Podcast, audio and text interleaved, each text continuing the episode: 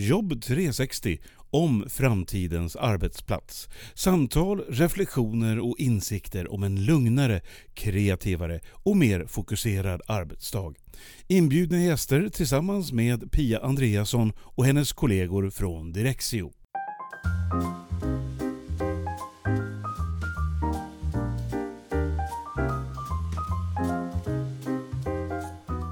Kreativitet och innovation. Två väldigt viktiga ord inför framtidens kontor. I förra poddavsnittet pratade ju Mikael Borak om att innovation är någonting som har fått stå tillbaka under pandemitiden. Och nu tänkte jag ta reda på mera vad de orden betyder. Därför så träffar jag idag Leif Denti från Göteborgs universitet. Och han forskar just på de två områdena kreativitet och innovation. Vad som behövs och hur det går till för att det ska hända. Välkommen till Jobb 360!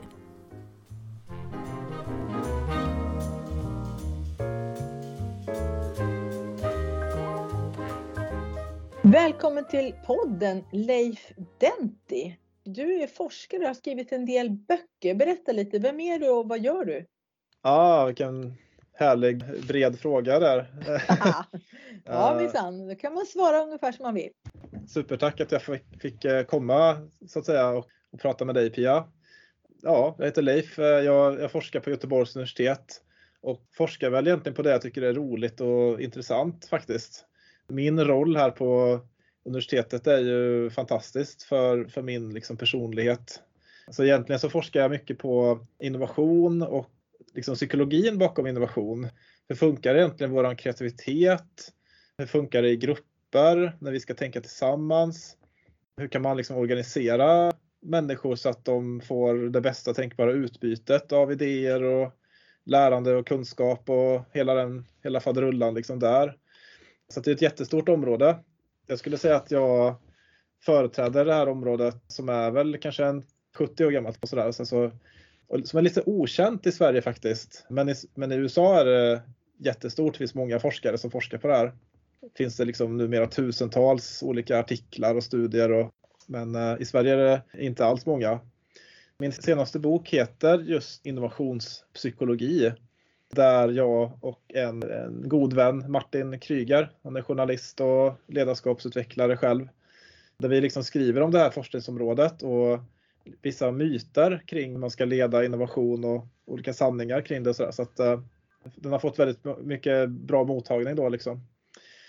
Eh, och sen de senaste två åren har jag gett mig in på kontoret. Jag har haft en doktorand som har forskat på kontorets betydelse för kreativitet och naturligtvis under pandemin så har jag varit intresserad av att lära mig så mycket jag bara kan om hur det funkar online. Någonstans där kan man säga. Personlighetsmässigt så är jag väldigt nyfiken och vårdar mitt inre barn kan man säga. Som är ett väldigt nyfiket barn. Jag var, det, jag var den typen av barn som tryckte på alla knappar liksom, som jag kom åt och drog i alla spakar och jag har förstört mycket liksom. I förstört, förstört, många saker. det var inte dig man släppte in i en sån här kärnkraftverken och sånt? Inte Nej, precis. jag tänkte på en gång på det här med du sa med kreativitet. För att innovation är beroende av kreativitet, eh, om jag tänker rätt, att man måste ha någon typ av kreativt tänkande som inte har så mycket gränser för ja. att man då ska kunna vaska fram de här idéerna som sen blir innovationer. Ja. Du sa det, i Sverige har det inte varit så mycket forskat på det här, så mycket känt och jag kan tänka mig det om man tänker på skillnaden mellan Sverige och USA. Sverige är gammal industrination, mycket ingenjörer. Det handlar ja. mer om att göra rätt och så vidare och det har ju tagit oss väldigt långt. Men i Amerika har man ju fått ha ett helt annat mindset för att kunna överhuvudtaget ta sig fram i, i den verkligheten som de har haft om man backar ett par hundra år och framåt. Jag tänker på att man har en riktigt så här kreativ, man brukar kalla det för vildhjärna i gruppen eller så. Ja. Så kan ju det bli ibland så att nästan den personen blir den besvärliga, att man inte alls förmår ta vara på det där. Ja, absolut. Stämmer det? Ja, alltså jag har, jag har ingenting ont att säga om svenska ingenjörer faktiskt. Nej, inte jag heller. Och det finns, eh, det finns också ganska goda skäl att tro att det här liksom väldigt gränslösa kreativiteten kanske inte är så där eftersträvansvärt faktiskt. Låt mig berätta liksom lite hur man tänker i forskningen kring vad kreativitet är. Man definierar faktiskt kreativitet som skapandet utav idéer som på något sätt liksom löser ett problem, en problemställning. Det kan ju vara att vi har upptäckt att våra kunder de, de efterfrågar nya saker. Eller kunderna har liksom förändrat sig. Och, säg att man är fastighetsägare till exempel. Oj, våra kunder har börjat använda Teams. Det är en utmaning, det är en problemställning då.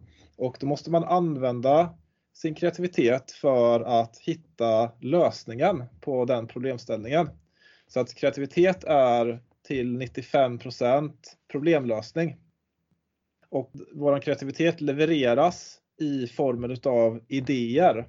Och det tycker jag är väldigt skönt att det är eller åtminstone att man har definierat det på det här sättet för att alla kan ha idéer. Det är liksom inte, det är ingenting som är mystiskt eller esoteriskt eller magiskt kring det utan har du någon gång fått en idé, då har du faktiskt tänkt kreativt, då har använt din fantasi, du har övervägt olika scenarier och du har så att säga hittat det bästa tänkbara lösningen då för att komma vidare. Och sen så när det kommer till idéer i sig så tänker man sig att det finns tre stycken ben på en pall som vardera ben är lika viktigt för att pallen inte ska trilla omkull. Och den första benet är ju då det här med originalitet kallas det för, alltså idéns idéhöjd eller ny, graden av nytänkande, graden av utanför boxen-ighet om man säger. Mm -hmm. Det är första delen. Andra är då att idén måste funka. Alltså den måste faktiskt vara den lösningen som löser vårt problem som vi har framför oss. Annars så är det ju värdelöst liksom om, om inte idén faktiskt funkar. Och sen för det tredje så måste vi kunna genomföra idén. Så att är det för dyrt eller är det för, för svår teknisk tröskel eller vi saknar kompetensen eller vad det nu kan vara, då är inte idén genomförbar och då är den också värdelös. Så faktum är att en myt kring kreativitet, det är att kreativitet är bara nytänkande. Att det bara är att tänka utanför boxen. Men sanningen är att det där är faktiskt originalitet. Och originalitet är inte samma sak som kreativitet. Eh, kreativitet är att hitta lösningar på problem. Då. Ja, att, som eh, jag nu kommer ikväll mm. öppna mitt kylskåp och ska äta middag och vi har, jag har inte möjlighet att handla någonting så jag öppnar dörren till kylskåpet och ser vad som finns där. Ja. Och om jag då plockar ut saker och tänker vad kan jag göra med detta och så lagar jag någonting som faktiskt blir en helt ny maträtt.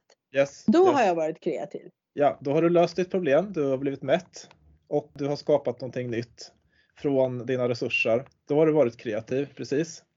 Och det, det, är ett bra exempel Pia för att det finns naturligtvis olika liksom, faktorer hos oss människor som gör att vi blir mera kreativa.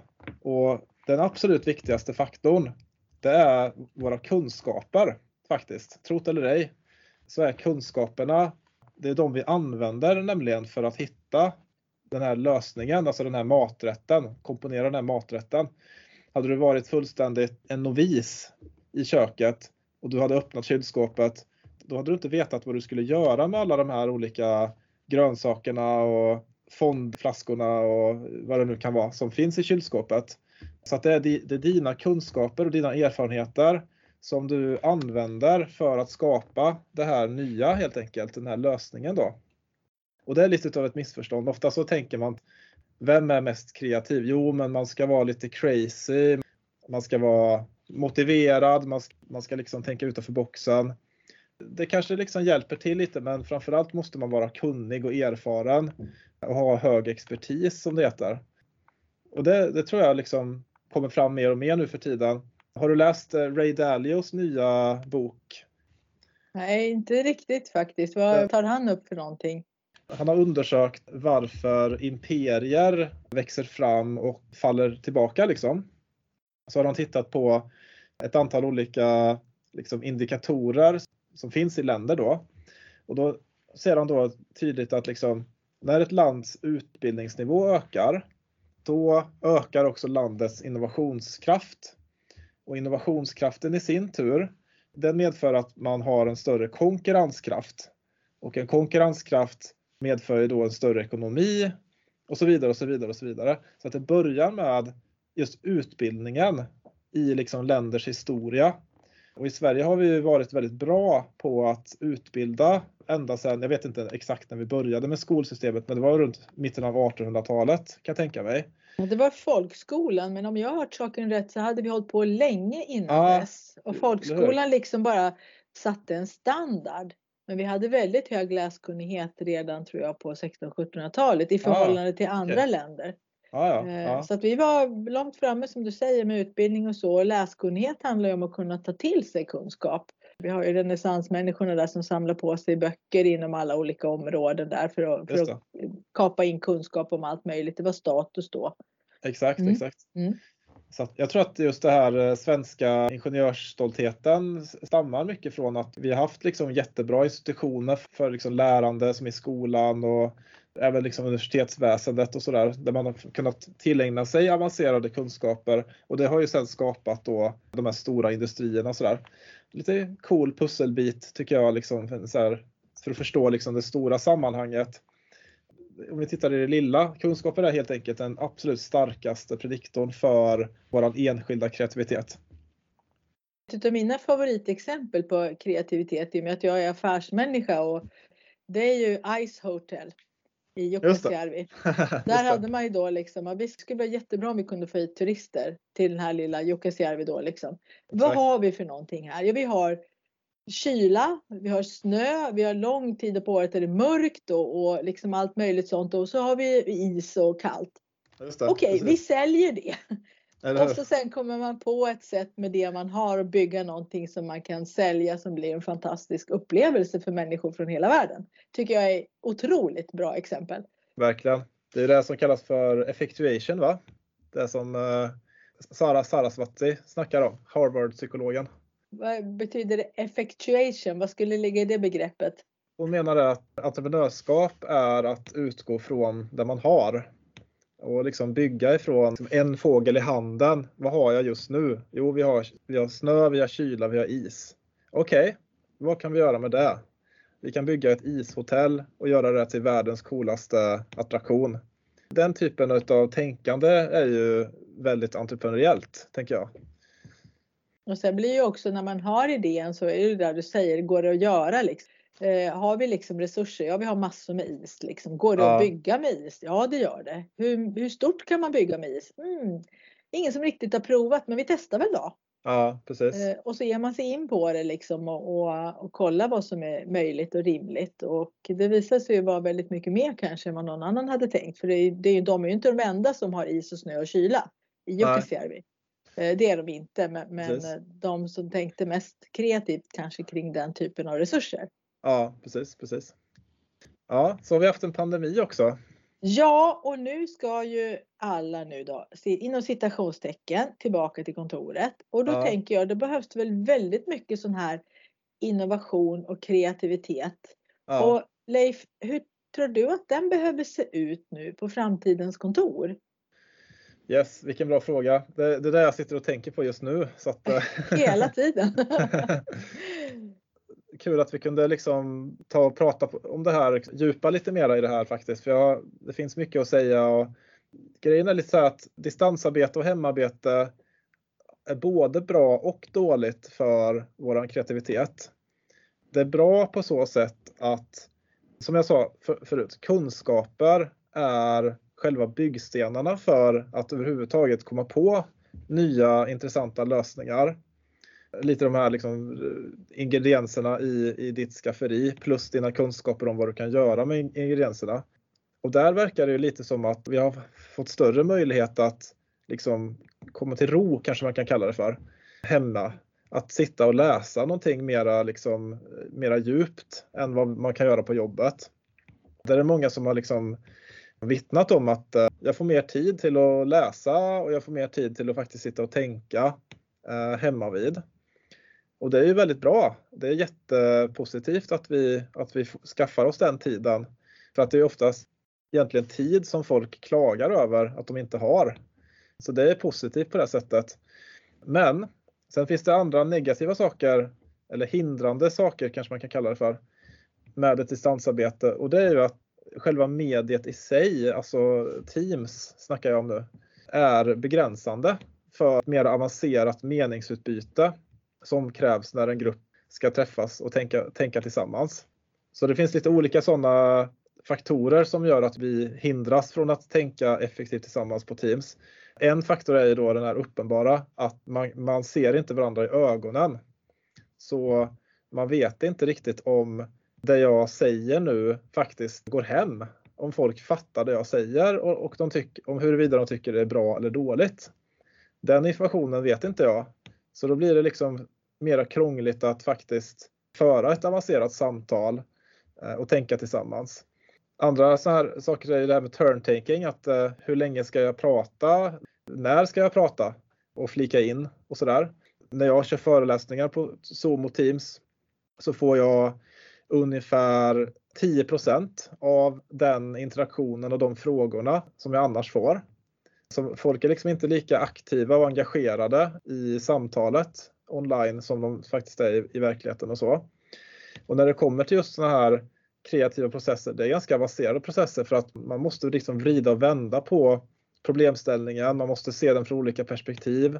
Man måste utforska olika alternativ och så måste man ha en, en rimlig och ganska kritisk diskussion om vilket alternativ som till slut skulle kunna vara det bästa alternativet. Det här kräver ganska avancerad kommunikation då mellan teamets medlemmar och det gör vi helt enkelt inte så himla bra online då. Som jag sa, det finns för och nackdelar med just att tänka kreativt över distans. Vad har du för erfarenheter Pia? Ja, jag tänker på det som sades i förra poddavsnittet faktiskt och det är ju det här att kreativiteten har ju då blivit satt på paus mycket nu på grund av det här som du säger att, mm. eh, att människor har suttit och haft möten på det här viset. Man kan lösa den dagliga verksamheten och så vidare och, och se till att det har funkat och många har ju också på olika sätt varit påverkade av att vi faktiskt har haft en pandemi. Att man behöver ta tur med verksamhetskritiska saker ja. som har haft att göra med pandemin, alltså personalbrist eller sjukdomsfall eller minskad försäljning eller kanske ökade behov om man har jobbat inom vissa branscher då. Ja. Och man har tagit tur med väldigt mycket praktiska saker. Och då kanske inte de här mera framåtriktade kreativa processerna som handlar om hur ska vi utveckla vår affär, vår tjänst, hur ska vi bli bättre på det vi gör, kanske inte har fått vara med utan man har löst dagliga problem och löst dem säkert bra då, då för vi har ju tagit oss igenom detta. Ja. Men just det här mera framåtriktade. Och då tänker jag den kombon av de här två. För att du säger att hemma har man liksom fått mera chans att stå lite ro och i lugn och ro kanske läsa någonting eller ta till sig någonting och så. Ja. Kan det vara så att man ska använda den biten och be människor förbereda sig mer inför ett sånt här kreativt möte istället för att man kommer till ett möte och så man veta idag ska vi försöka komma på hur vi ska lösa det här problemet och så alla är helt blanka i huvudet blanka. Och, och, ja, och, någon har något helt annat i skallen. Kan man använda den här lugnet hemma och säga inför det här mötet vill vi att du förbereder de här tankarna? Eller? Ja, ja jag tror det är en jättebra idé. Jag tror att alla som, har, som lyssnar här de känner igen sig liksom lite i det här med att man kommer på ett brainstorming-möte och så ska det fram post-it-lappar och sitter man där och tänker de första tio minuterna liksom, men jag, jag vet väl ingenting om det här. Liksom. Jag, vad, vad, vill de egentligen? Ja, och så har de så. otur så är det någon sån som jag med i gruppen som börjar skriva och skriva och skriva och har tusen idéer på en gång. Just Då det. blir det lätt eh, att de som har förmågan att bara häva ur sig saker tar ja. över. Och det är inte säkert att det är vi som kommer med de smartaste idéerna. Nej, Utan nej, det kanske precis. mycket väl är de här människorna som kan behöva lite mer eftertänksamhet och så vidare. Och så ja. att man får en kombo. Men som Exakt. du sa, kommer man bara till ett brainstorm-möte så får man inte med alla personligheter i det. Nej precis. Jag gillar den idén, alltså just att kunna använda distansarbetet till att få den här tiden till att sitta, komma undan lite, förkovra sig. Speciellt om man sitter i eh, ett eh, kontorslandskap då där, där det kan vara svårt att faktiskt sätta sig ner med en bok. Liksom. Folk kommer förbi och folk tror att de kan störa den som sitter med boken eller rapporten eller vad det kan vara. Jag har också pratat med många som försöker så här, komma undan. Man, man bokar konferensrum bara för att kunna sitta och läsa. Liksom. Så att kunna göra det hemma vid är fantastiskt och förbereda sig och verkligen sitta och tänka ordentligt. Ja, jag gillar den idén. Mm, man kanske ska ha de här tysta zonerna på de aktivitetsbaserade kontoren. Det kanske inte alls ska vara med skrivbord. Det kanske ska vara med såna här lounge-soffor där man kan ta en sån här tung rapport och sätta sig med en penna en timme och läsa Exakt. liksom eller lite kanske vattenpår runt omkring eller något så. Det kanske skulle ja. vara jättebra för kreativiteten. Verkligen. En sån här, en sån här äggfåtölj som mm. fullständigt mm. innesluter den från 60-talet. Jag kommer inte, jag kommer inte ihåg vem som formgav den men jag, jag tycker den är jättehäftig fåtölj faktiskt. Nej, men så jag tror att eh, en kompetens i framtiden som vi håller på att utveckla just nu det är ju att förstå vad vi gör bäst på distans och på kontoret. För det, jag tror verkligen inte att kontoret är på väg ut på något sätt men vi kommer säkert att använda det på, på lite annorlunda sätt jämfört med förut. Och det har jag lite spaningar om. Det, det, det tror jag faktiskt att man skulle kunna utveckla den kompetensen. Vad, vad tror du Pia, liksom? vad, hur kommer vi använda kontoret och vad kommer vi göra så att säga på kontoret och på distans? Liksom? Vad tänker du där? Ja, jag tycker att det känns ju väldigt bra om man kan ge medarbetarna i uppdrag att verkligen tydligt, det här när du är hemma i lugn och ro nu på tisdag nästa vecka. Pia, ja. då skulle jag vilja att du snokar runt lite och ser om du kan hitta antingen att man ut, undersöker och forskar lite eller också att man får något i händerna och får i uppdrag att sätta med en timme med det här ja. och, och, dra ut några viktiga riktlinjer som du tror betyder något för oss framåt inom det här ja. området. Ja. Det tror jag väldigt många skulle gilla att få ett konkret uppdrag att verkligen ja, nörda ner sig och reflektera. För det ger man sig ju inte tid till. Mm. Och det tror jag vore ett bra sätt att använda den så hemma, hemmatiden. I och med att ja. många medarbetare kommer att vilja jobba hemma. Men att man ja. istället för att sitta bara och mata på med samma saker som man skulle ha gjort på kontoret. Att man har den typen av uppgift hemma. Ja, just det. En speciell uppgift. Ja, just det. Det är en intressant sak. Och sen Precis. då på kontoret, då tänker jag på två saker. Dels som Lena Lid Falkman sa här i ett samtal ja. nyligen att alla vill att det ska finnas ett kontor men man vill inte behöva gå dit. Ja. och den tyckte jag var lite rolig faktiskt. För det är lite så det är att det ska finnas där om jag vill ha det. Men ja. jag ska själv kunna välja. Och jag pratade också med Lisa Arnborg från Gäsp här i podden och hon sa att nej men vi kan inte ha det så. Liksom. Vi kan inte låta människor själva få välja. För då blir det eh, inte bra utan man måste få medarbetarna att förstå varför behövs du på kontoret med, med ja. din liksom, närvaro. Och det pratades om i förra poddavsnittet också med Mikael Borak, samma sak där. Att, ja. Och hur ska då, hur ska cheferna kunna få medarbetarna att förstå det här med deras fysiska närvaro? Vilka knappar Leif tror att de behöver trycka på? Vad är det de behöver betona för att få alla att se det är, så, det är bra när vi träffas på kontoret därför ja. att? Ja, bra fråga. Alltså, jag tror egentligen att vår mänskliga natur kommer att finnas kvar oavsett vilka verktyg vi råkar ha i händerna för tillfället. Liksom. Vi har ju behov av att vara sociala, vi har behov av ett socialt sammanhang. De flesta av oss i alla fall har, har starka sådana behov. Så att jag är inte så jätteorolig över att man måste liksom locka människor tillbaka till kontoret. Eh, det tror jag kommer sköta sig ganska, ganska så spontant faktiskt. Men frågan är hur vi ska använda kontoret på bästa sätt då och hur de här ytorna ska vara utformade liksom. Och det vet inte jag så mycket. Det är, ingen vet ju egentligen hur, vad det kommer bli då. Men eh, jag kan spekulera i att eh, det kommer bli mera sociala ytor och mera ytor för det som kallas för tredjeplatsen. Känner du till det begreppet? Eh, Nej, tre, tredjeplatsen, det där får du berätta. Vad är det för något? Det är en gammal eh, sociolog då som, som har myntat tredjeplatsen. Eh, då är det så att första platsen är, är då när man är hemma helt enkelt. Man har vissa eh, förväntningar på sig, man har en viss roll som kanske eh, liksom förälder och partner och sånt där.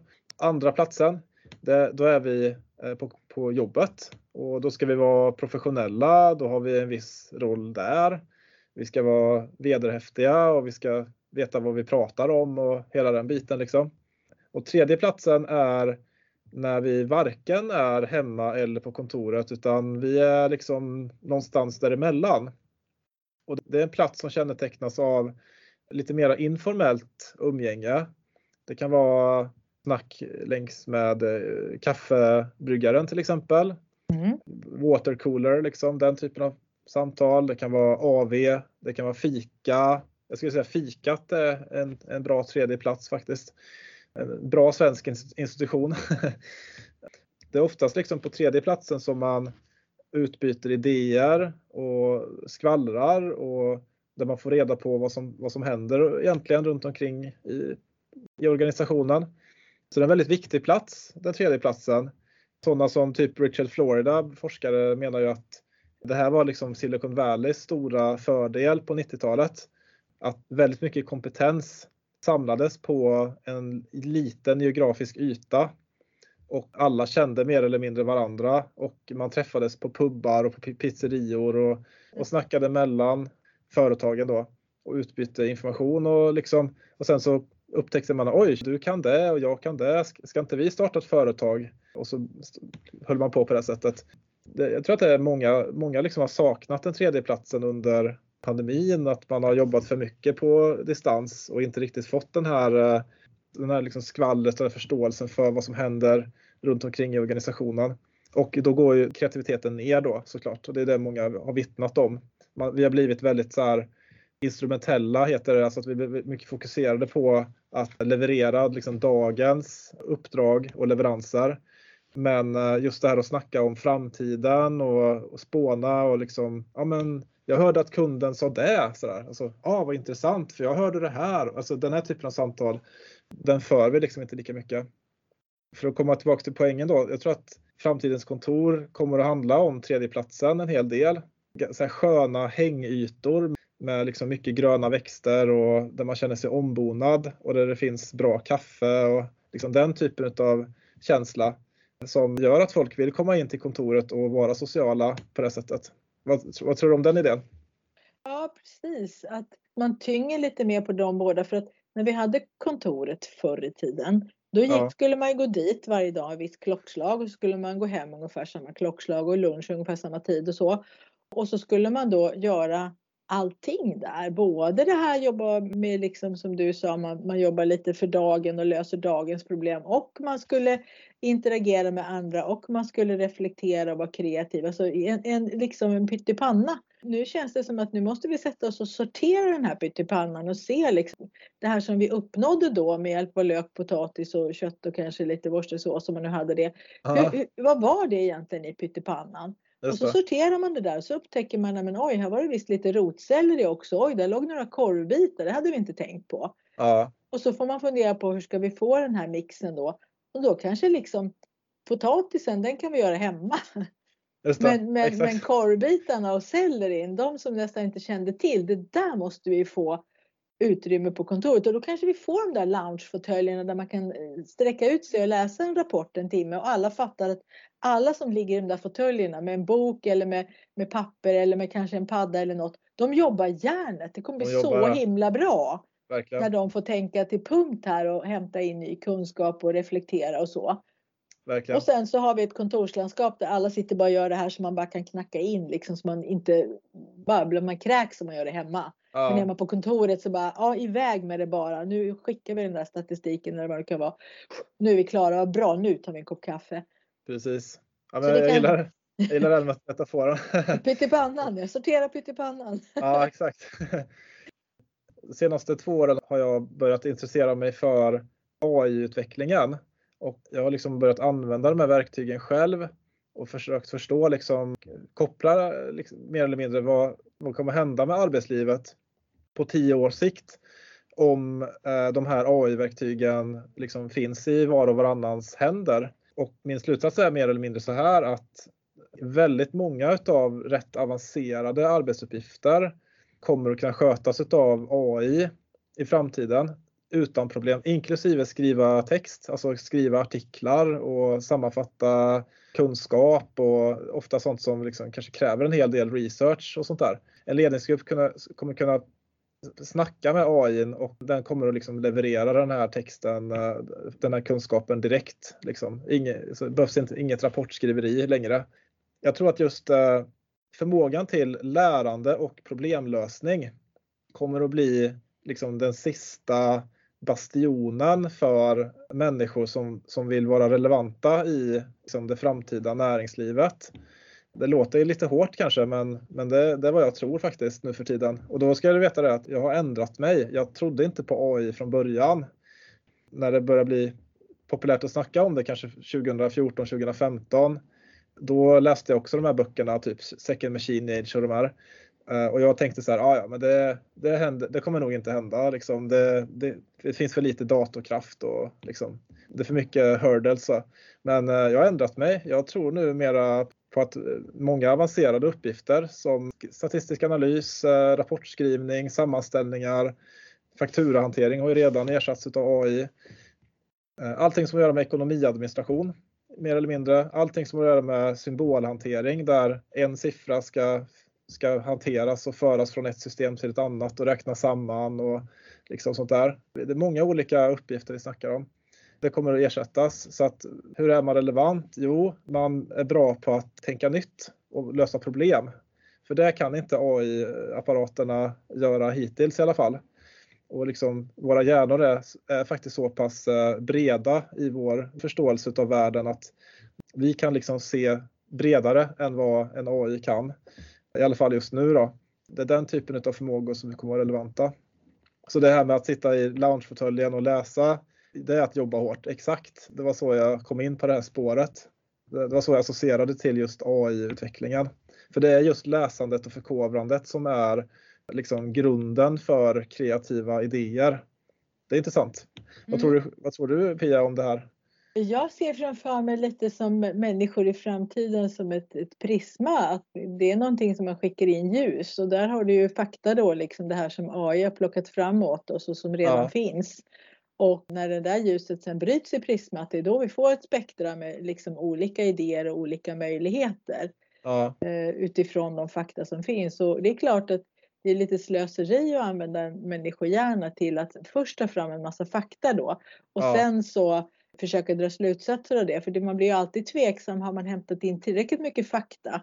Ja, och har man precis. otur i en grupp så sitter det i någon grupp någon person där, någon liten sån försiktig ingenjör, för det finns ju sådana också. Ja. Som liksom frågar, har vi verkligen tagit reda på allting? Och Pia, har du verkligen kollat upp det här? Och då ska ju jag då som person stå mm. till svars och bara, ja, jag har tagit reda på tillräckligt mycket fakta och det kommer jag ju aldrig kunna garantera. Men en AI kommer ju att kunna garantera det. Då kommer ju inte ja. den här försiktiga ingenjören att ifrågasätta faktainsamlingen utan Nej. då får man istället sätta sig allihopa och eh, jobba framåt med det där. Alltså ut, ja. in med energin i prismat och så ser vi vad som faller ut. Ja, just det. Precis, precis. För det är en sak som jag kan se som en fara att i nästan varje grupp så finns det någon liten broms där som, som eh, ingenjörer är ju bra på att hitta fel ibland. Alltså det är, vissa ingenjörer är inriktade på det. De ska titta igenom en ritning och så ska de se, finns det någonting här som kan göra att huset rasar ihop? Ja, ja. Alltså verkligen leta fel för att annars rasar huset ihop och det vill vi inte. Nej. Men sådana personer lite i fel fas eh, i en process eller i fel grupp om man nu får säga så, fel inom citationstecken också, ja. kan ju bromsa väldigt mycket för att det skapar osäkerhet och så även om det inte är tanken.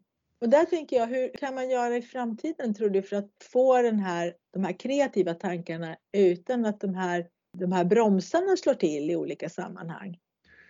Alltså, det finns olika sätt att göra det på. Mitt favorittips kring det, det är ju att man försöker dela upp idégenereringen i två delar. Den första delen kallas för divergent tänkande. Det är när vi liksom försöker hitta lösningar som, är, som går bortom de självklara lösningarna, de, de första vi får. Där man sett väldigt mycket i forskningen att de första idéerna som vi får inte är de bästa som vi får. Ta till exempel att du ska gå på middag och du ska ta med en present till värdparet. Vad tar du med för, för present Pia? Vad får du för idéer? Ja, det blir blommor och en flaska vin då, som, ja. som de flesta kommer med. Exakt. Mm. Vin, mm. blommor, choklad kanske. Mm. Det där är naturligt och det är okej okay att det är så. Men just vin, blommor och choklad kanske inte är just de mest intressanta presenterna man kan komma med på en middag. Utan för att verkligen kunna komma till lite mer intressanta lösningar så behöver man ofta komma förbi det här första stadiet då. Och det är svårt att komma förbi det stadiet när idéerna ständigt skjuts ner av någon som är kritisk. Och jag har ingenting emot kritiska människor, de är jättebra. Men kanske inte inledningsvis helt enkelt. De är bra sen.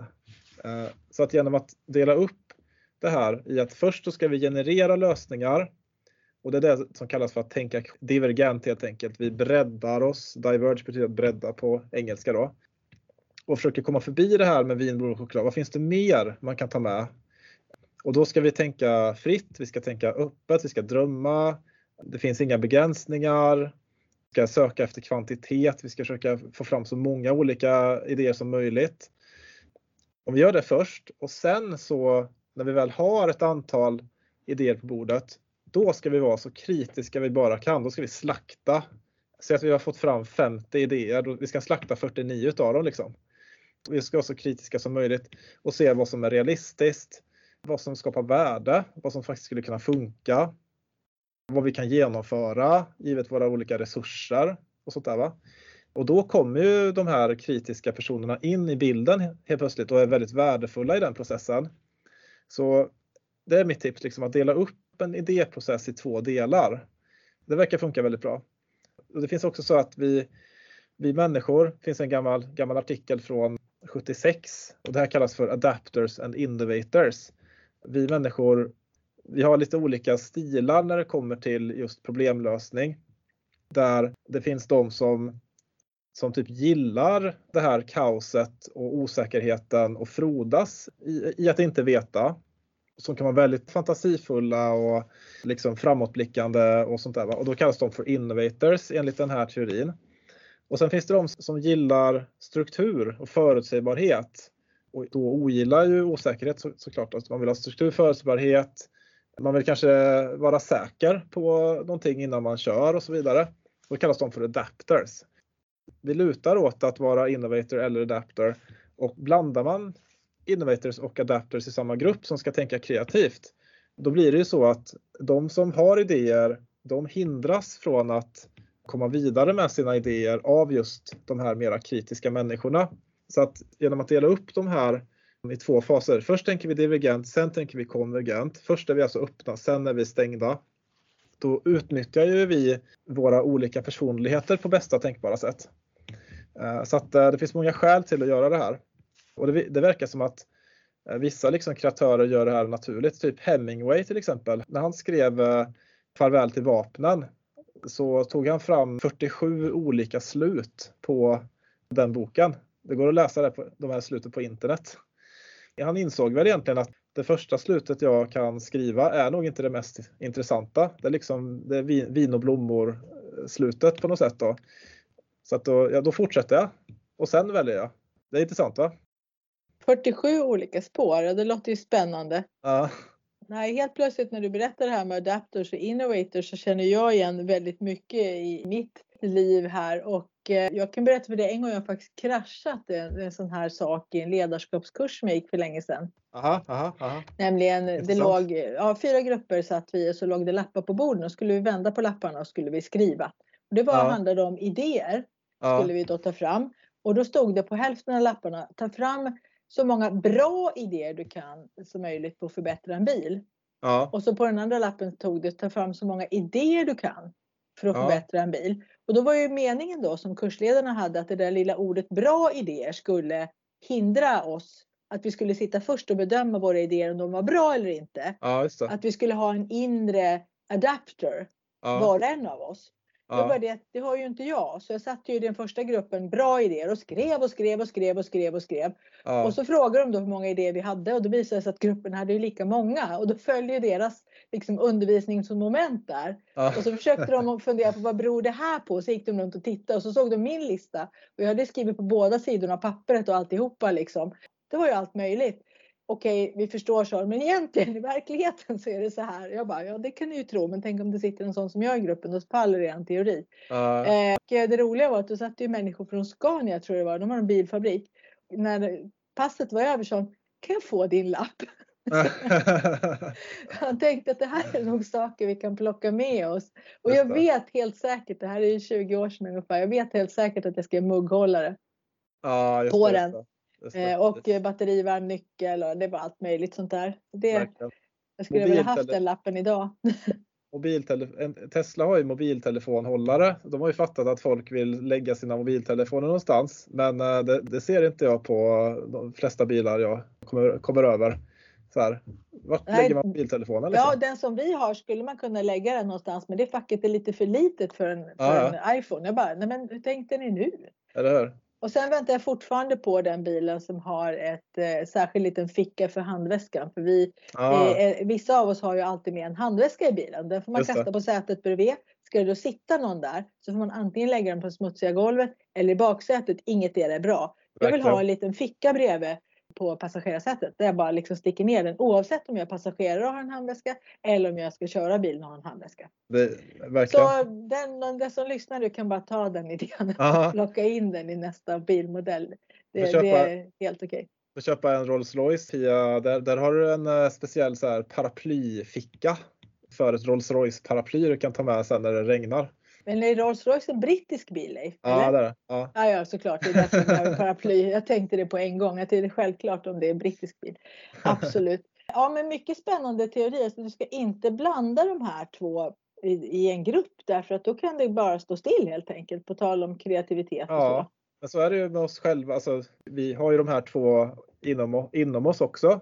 Och det, jag menar inte att man är antingen eller här egentligen, men man, man lutar åt en av de här. Sen är det domänspecifikt. När man, när man går, kommer hem, då kanske man är väldigt kreativ, men, att, men, hem, men på jobbet är man inte det och så vidare. Ta till exempel när du ska skriva en text. Jag gör ju ständigt det misstaget att jag skriver en mening eller två meningar och så går jag direkt tillbaka och eh, rättar stavfel och grammatik och sådana saker. Men det man ska göra egentligen då om man vill använda de här principerna, det är ju att man bara kör. Man kör sin text och skriver klart den och sen så går man tillbaka och rättar allting och tittar på, kommer poängen fram och så vidare. Sen är man kritisk. Så att vi gör ju det här hela tiden vi också. Vi genererar å ena sidan, men vi är också kritiska å andra sidan. Om man har sett att folk har för hög eh, conscientiousness som det heter, som är en av de här big five personlighetsfaktorerna då. Alltså noggrannhet på svenska. Om man har för hög noggrannhet, då snubblar man för mycket på sig själv. För då är den här interna kritiken för stark helt enkelt. Så att man, man kommer aldrig att så att säga yttra så många idéer därför att man tycker att de är skit. Den interna kritiken är för stark så då liksom minskar ens egen kreativitet. Då. Så att det är lite intressant att det är på det sättet. Ja, det är ju på en skala kanske då som man är så här för att när du pratar så hör jag att jag har ju inte så jättemycket inre kritiker och då, det kan ju vara bra och dåligt men å andra sidan så hör man ofta en teori att alla har en sån här inre kritiker som hindrar oss. Jag tänker det är väl också det stämmer nog på vissa men inte på andra så att Ja, man ska inte uttrycka sig så tvärsäkert om, om andra människors insida kanske. Men det jag tänker är att om man då är chef här nu och vill ha fram den här kreativiteten inför framtiden. Vi har alltså legat back nu i två år har vi inte varit så kreativa. Nu behövs det jättemycket för Ja. att föra verksamheter och organisationer framåt. Då ja, behöver man kanske reflektera. Vilka har jag i min grupp? Hur funkar de? Och vem är jag själv? ja, Ska jag kanske sätta de här tre personerna i ett rum och låta dem bara bröta på med idéer allt vad de kan och jag ska Ja. inte ens vara där? Eller ska jag vara i det rummet och sen ska jag gå ut och släppa in tre andra människor och ja, hålla mig undan? Det ja. kanske man behöver reflektera över faktiskt som chef. Man kan ju inte vara både och. Det är nog svårt, eller? Nej, det, vissa kan vara både och, men ofta är det faktiskt så att man behöver ha någon motsatspar. Alltså att om man själv är den här kritiken så behöver man ha någon som är mer visionär och tvärtom. Jag tror att identifiera vem, vart man själv ligger och vad man är bra på. Det kan vara ett sånt liksom, introspektivt tips till chefer. Och sen så generellt sett, det här är ju liksom en ganska, en ganska lång föreläsning, men, men i ett nötskal så att, att liksom leda innovation handlar väldigt mycket om att peka ut riktningen, alltså det förväntade tillståndet. Vad är det, vad är det vi ska uppnå för någonting? Är det liksom kundnöjdhet eller är det högre trygghet eller är vad, vad är det för någonting vi ska ha? Låt människor som är intresserade i frågan att jobba självständigt och med frihet och se till att det blir klart vilka fel man får begå. Och där gillar jag att prata om röda fel och gröna fel. Göra det tydligt vad som är röda fel. Röda fel är kanske att man får inte skada någon, man får inte bryta mot lagen, man får inte, göra, man får inte vara korrupt och sådana saker. Och gröna fel kan vara att göra någon förbannad eller göra någon kränkt. Alltså att någon får känslor när vi, när vi liksom testar nya saker. Eller att vi hamnar i tidningen. Eller så här va. Att liksom vara tydlig över vilka misstag som är okej okay att begå. Det är viktigt då. Så att peka ut riktningen, låt de som vill få jobba självständigt och med frihet och sen vara tydlig kring vilka misstag som kan begås. Det är det bästa man kan göra som chef, tror jag. Ja, vad fantastiskt. Då fick jag nästan lite påskrift här att jag var en bra chef bakåt i tiden när jag var ungdomsledare. Ja, roligt. Jag jobbade i kyrkan och då hade man ju konfirmationsläger. Ja. Och då sa jag till alla de här unga ledarna som vi hade att sådana här bus får man göra. Men ja. det finns vissa kriterier. Ett, ingenting får gå sönder. Två, ingen får bli skadad. Mm. Eh, och sen ingen får bli ledsen helst eller liksom på det viset. Men det är skadat fast på insidan då. Precis, eh, precis. Och det är kriteriet på ett bra bus. Ja. Sen kan ni göra hur ni vill. Jättebra. Jag menar, då, då finns det tydliga liksom, gränser för vad man kan experimentera med och då, det skapar trygghet helt enkelt. Inga röda fel, men ni får, ni får göra gröna fel, men inga röda fel sådär. Eh, och det kunde ju bli riktigt bra, men sen fick man ju själv vara den mest kreativa och sådär. Lite sirap under dörrhandtagen har väl aldrig skadat. det. så kan det gå. Okej Leif, det här är ju superintressant. Jag skulle ju vilja spåra vidare med dig i höst igen om ja, det går för att se vad, vad har då cheferna landat och har de liksom fångat upp det här med behoven av kreativitet? Precis, precis. Och hur har de löst det? Det antar jag att du och dina forskarkollegor där kommer att gräva vidare i. Verkligen. Och som jag ser det just nu så är det lite som att pendeln fort, håller på att svänga fort, fortfarande.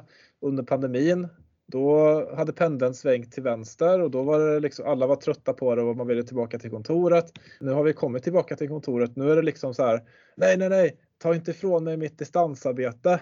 Liksom, och, så att då vill man hem igen. Så då är pendeln svängt till höger plötsligt. Och så, så att jag tror att pendeln kommer svänga några gånger och det är svårt att säga om framtiden när faktiskt när pendeln fortsätter att sväng, svänga. Så att ja, jag träffas jättegärna till eh, hösten. Det här var supertrevligt Pia. Så får vi se vart vi är då helt enkelt. Ja, jag tycker också det var väldigt trevligt. Tack Leif för att vi fick ha det här samtalet. Ja, men tack så mycket.